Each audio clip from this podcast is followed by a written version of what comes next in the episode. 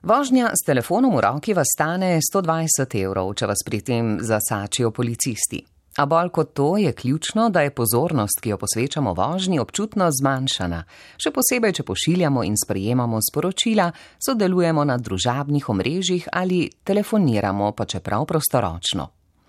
S tem ogrožamo sebe in druge v prometu in lahko povzročimo hudo prometno nesrečo.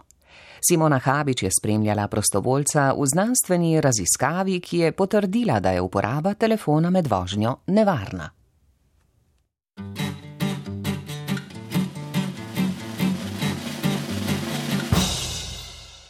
ne telefoniramo v avtu. To je nevarno, ker nikoli ne veš, kakšne informacije boš dobil, se zdrzneš in lahko narediš napako. In to je lahko, so delci sekunde, so lahko usodni.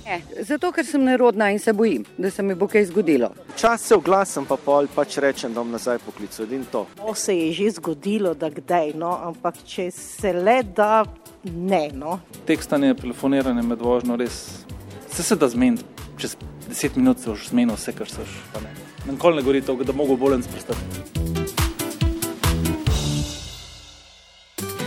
Vsi vemo, kako je telefoniranje, pisanje in spremljanje družabnih omrežij med vožnjo nevarno, a to še vedno počnemo, če ne drugače, stoječ na rdeči luči ali v koloni.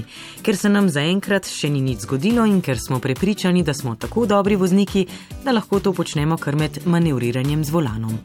Podobno kot smo prepričani, da lahko po nekaj kozarčkih alkohola še vedno dobro vozimo.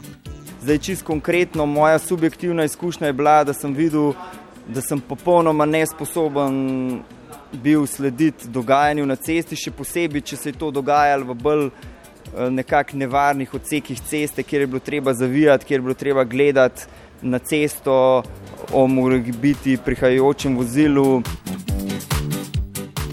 Tako dr. Luka Zevnik z podjetja za aplikativno neuroznanost, ki je skupaj z Agencijo za varnost prometa in avtošolo Ježica izvedlo znanstveni preizkus. Med dejansko vožnjo v prometu so s pomočjo merjanja električne aktivnosti možganov, s pomočjo elektroencefalografije ali skrajšanja EEG-ja ugotavljali, kako uporaba telefona dejansko vpliva na delovanje naših možganov. Udeležencu smo najprej izven vozila namestili 64 kanalov EEG kapo z medicinskim ojačevalcem. Potem se je udeleženc predstavil v avto, zraven je bil prisoten inštruktor vožnje v avtomobilu z dvojnimi kontrolami, da je lahko zagotavljal varnost. Zadaj je sedel analitik EEG-ja z računalnikom, ki je spremljal možgansko aktivnost in snemal možgansko aktivnost. Hkrati je bila v avtu nameščena še kamera, ki je snemala reakcije voznika in pa zraven je sedel še član ekipe, ki je pošiljal te motilce, se pravi SMS-e, sporočila po družbenih omrežjih, in pa prisoten je bil še en član ekipe izven avtomobila, ki je pa dobil sporočilo od tega člana ekipe v avtomobilu, kdaj naj naredi klic. Juri Drejo, neuroznanstveni EEG analitik ko smo študijo zasnovali, smo se odločili, da bomo poslali devet takšnih motilnih faktorjev.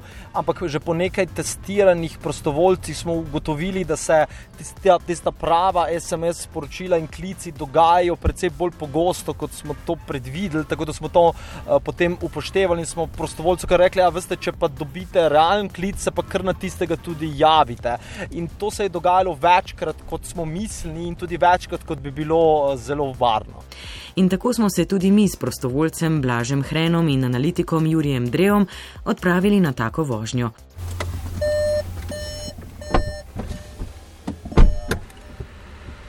Zdaj smo prižgali vozilo in se bomo odpravili na vožnjo. Tako le opremljen bo štartov, kaj pa vi v bistvu opazite na tem svojem zaslonu? Uh, ja, na računalniškem zaslonu smo uh, spremljali EG signale, ki izvirajo iz celic, iz nevronskih celic. Ti signali se spreminjajo v odvisnosti od tega, kaj možgani počnejo. Če so možgani zelo zaspani, imamo tako imenovane delta valove, če so možgani zelo umirjeni, imamo tako imenovane alfa valove, če so pa možgani zelo obremenjeni, imamo pa tako imenovane beta valove, takšne hitre, trne. In med našimi meritvami opazujemo, kako se zastopanost različnih možganskih valov spreminja v odvisnosti od tega, kaj se dogaja. Recimo, lahko prostovolec samo mirno vozi avto, lahko pa vozi avto ob sočasnem telefoniranju. Ob takšni aktivnosti njegovi možgani generirajo več beta valov, ker so bolj obremenjeni. Aha, zdaj je prijel klic. Tako ja, prostovolec je ravno prijel klic. Mora hkrati koordinirati vožnjo, mora hkrati razmišljati o tem, kaj ga nekdo sprašuje, in obdržati oči na cesti. Pa seveda po klancu smo šli. Ne? Tako, Tako, to so številne naloge. Eh, naši možgani niso narejeni za več opravilnost, kljub temu, da bi si morda včasih želeli, da bi bili. Ampak eh, človeški možgani so serijski delavec, lahko izvajo samo eno nalogo hkrati, potem pa skačejo od ene do druge in jih poskušajo hkrati več storiti. Če med vožnjo telefoniramo, naši možgani postanejo manj pozorni na cesto. Zdaj je dobil. Pisujem na vprašanje, kako se počutim, zdaj sem jih kar poslal mesič. In se vam zdi, da se je koncentracija vaša zmanjšala pri vožnji? Aha, skoraj smo zgrešili zdaj pot. Ja, moja izkušnja je zdaj taka, da to vsekakor bistveno vpliva na kvaliteto moje vožnje, tako da je vsekakor zelo pomembna distrakcija in se bom probal v prihodnje čim manj posluževati telefona med vožnjo. Dokaj muteče je bilo tole, ne? skoraj da smo zgrešili uh, klanec in pa seveda tam se človek ustraši, da se bomo zaleteli v stebr. Ja, tako večina ljudi sicer pravi, da nekako še zmore telefonirati in voziti, ampak tule v tej študiji, ko smo pa jih soočili z tipkanjem SMS sporočil, je pa večina udeležencev rekla, da so že na subjektivnem nivoju čutili, da je to zelo nevarno. Ne samo zato, ker jim oči begajo z ceste, ampak tudi zato, ker jim dobesedno možgani begajo z ceste.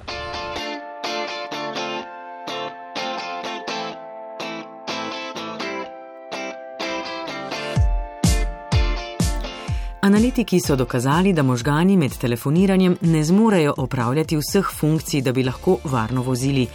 Tudi prostoročno telefoniranje nam skrene pozornost ceste na vsebino pogovora in je enako nevarno početje, kot če bi telefon držali v roki. Inštruktor Goran Lapič, vodja avtošole Ježica. Te kandidati, ko so vozili, niso bili zbrani.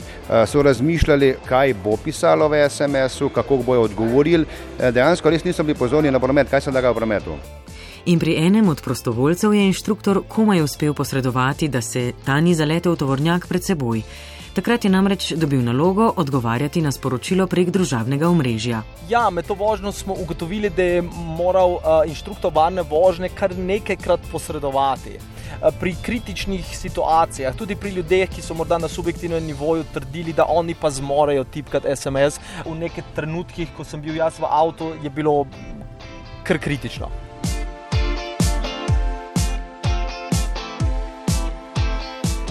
Ugotovitve znanstvenega preskusa: oči gledajo, možgani ne vidijo. Naša pozornost je pri uporabi telefona med vožnjo, tudi pri prostoročnem telefoniranju, občutno zmanjšana. Juri Drejo. Prvo je čelni režen, tako imenovani frontalni korteks. Tam so doma naše sposobnosti usmerjanja pozornosti, tam je doma naš delovni spomin, tam so doma tako imenovane izvršilne sposobnosti. Drugo področje, ki je močno obremenjeno, je gibalno področje, in tretje, temenski režen oziroma tako imenovan parietalni korteks, kjer je doma koordinacija v prostoru in integracija vseh čutnih zaznav. Ta področja so praktično po celih možganih. Tako da bi lahko na tej točki tudi rekli, da se vsi možgani močno trudijo, morda celo preveč trudijo, da nas obdržijo na cesti in da nam hkrati omogočijo nekakšno uporabo mobilnega telefona. Tretji izsledek, ki je pa za nas še bolj zanimiv, je pa ta, da ob izvajanju telefonskih klicev možganska aktivnost v zatilnem režnju, kjer možgani gledajo, pade.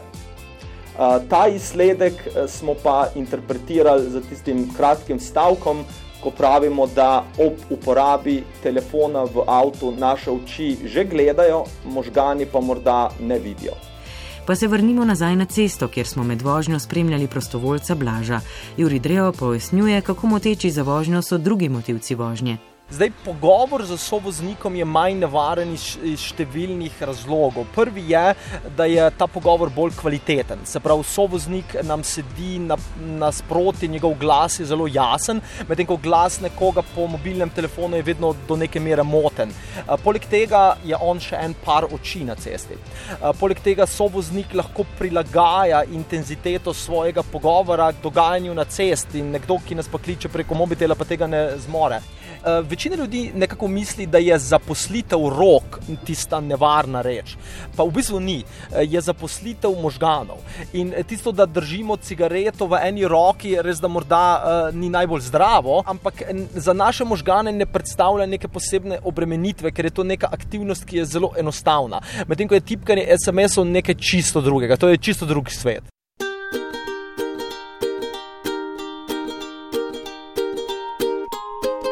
In kakšen je reakcijski čas, če je naša pozornost motena? Reakcijski čas je vedno podaljšan, kadar možgane obremenimo z številnimi aktivnostmi. So reakcijski časi na prvo osnovno nalogo močno podaljšani.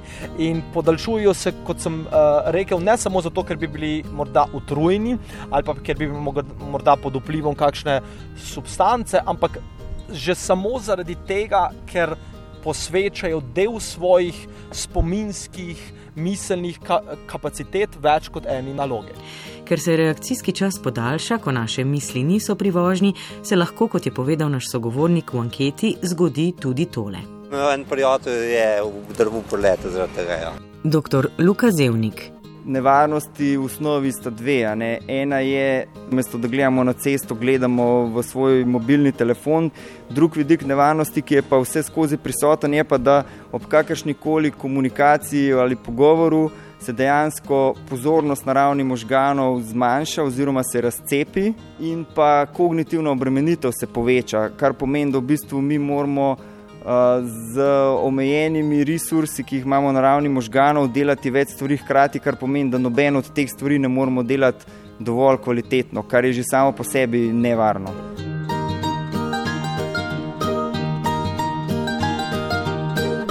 Preizkus je pokazal, da vsaka uporaba telefona popolnoma prevzame možganske kapacitete, tudi ob prostoročnem klicu.